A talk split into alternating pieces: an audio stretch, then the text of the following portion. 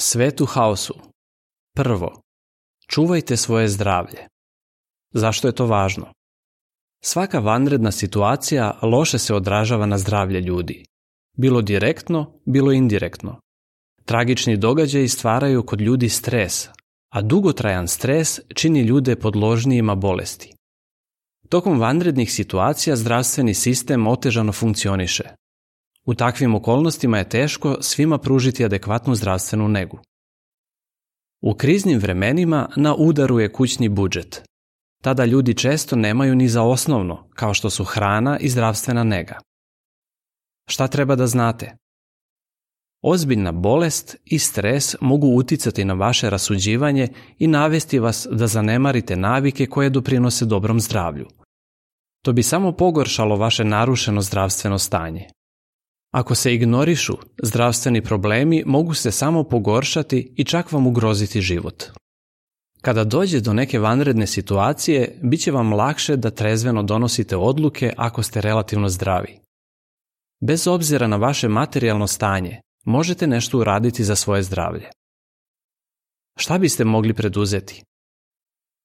Kad god je to moguće, mudar čovek uzima u obzir potencijalne opasnosti i preduzima sve što je potrebno da bi ih izbegao. To važi i kada je u pitanju zdravlje. Dobre navike lične higijene mogu smanjiti rizik od zaraze i ublažiti simptome zaraznih bolesti. Svakako je bolje sprečiti nego lečiti. Time što vodimo računa o ličnoj higijeni i čistoći stana, štedimo novac koji bismo inače morali da damo za lekarski pregled i lekove – Andreas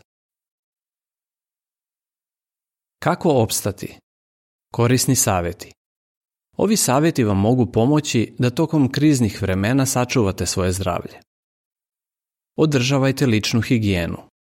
Šta kaže Biblija? Pametan čovjek vidi opasnost i sklanja se. Poslovice 22.3 Pokušajte da predvidite potencijalne opasnosti po vaše zdravlje i izbegavajte ih. Često perite ruke sapunom i vodom, naročito pre nego što ćete rukovati hranom i posle korišćenja toaleta. Redovno čistite i dezinfikujte svoj dom, naročito površine i predmete koje često dodirujete. Kad god je to moguće, izbegavajte bliski kontakt sa onima koji imaju neku zaraznu bolest. Zdravo se hranite – Šta kaže Biblija? Niko ne mrzi svoje telo, nego ga hrani i neguje. Efešanima 5.29 Ako volimo svoje telo, pazit ćemo šta unosimo u njega. Pijte dovoljno vode. Jedite raznovrsno voće i povrće. Nemojte preterivati sa unosom masti, soli i šećera. Nemojte koristiti duvan i drogu i nemojte previše piti alkohol. Trudimo se da se zdravo hranimo, da se ne bismo razboleli. U suprotnom bismo i ono malo novca što zaradimo morali da trošimo na lekove. Carlos Vežbajte i dovoljno se odmarajte. Šta kaže Biblija? Bolja je jedna šaka odmora nego dve šake mukotrpnog rada i trčanje za vetrom.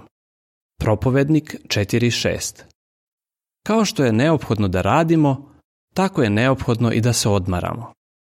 Budite fizički aktivni. Za početak možete redovno ići u šetnju. Fizička aktivnost će dobro uticati na vaše zdravlje, čak i ako ste u godinama, ako imate neki hendikep ili hroničnu bolest. Dovoljno spavajte. Kad ne spavamo dovoljno, podložniji smo stresu i imamo slabiju koncentraciju. Ako to potraje, mogli bismo se ozbiljno razboleti. Odredite neko realno vreme u koje ćete ići na spavanje i držite se toga. Trudite se da ležete i ustajete uvek u isto vreme. Izbegavajte da gledate TV i da koristite elektronske uređaje u krevetu. Bolje je da pred spavanje ne jedete tešku hranu i ne unosite kofein i alkohol. Primetio sam da mi san utiče na zdravlje u svakom pogledu. Ponekad kad se ne naspavam imam glavobolju i sav sam nikakav. Ali kad se naspavam ja prosto letim. Imam više energije i mnogo ređe sam bolestan. Justin. Saznajte više. Pogledajte video šta da radiš kad se pojavi zaraza. Ukucajte taj naziv u polje za pretragu na sajtu jw.org. Na istom sajtu nalazi se i članak pod naslovom Kako da poboljšamo svoje zdravlje. Ukucajte taj naziv u polje za pretragu na sajtu jw.org. Kraj članka.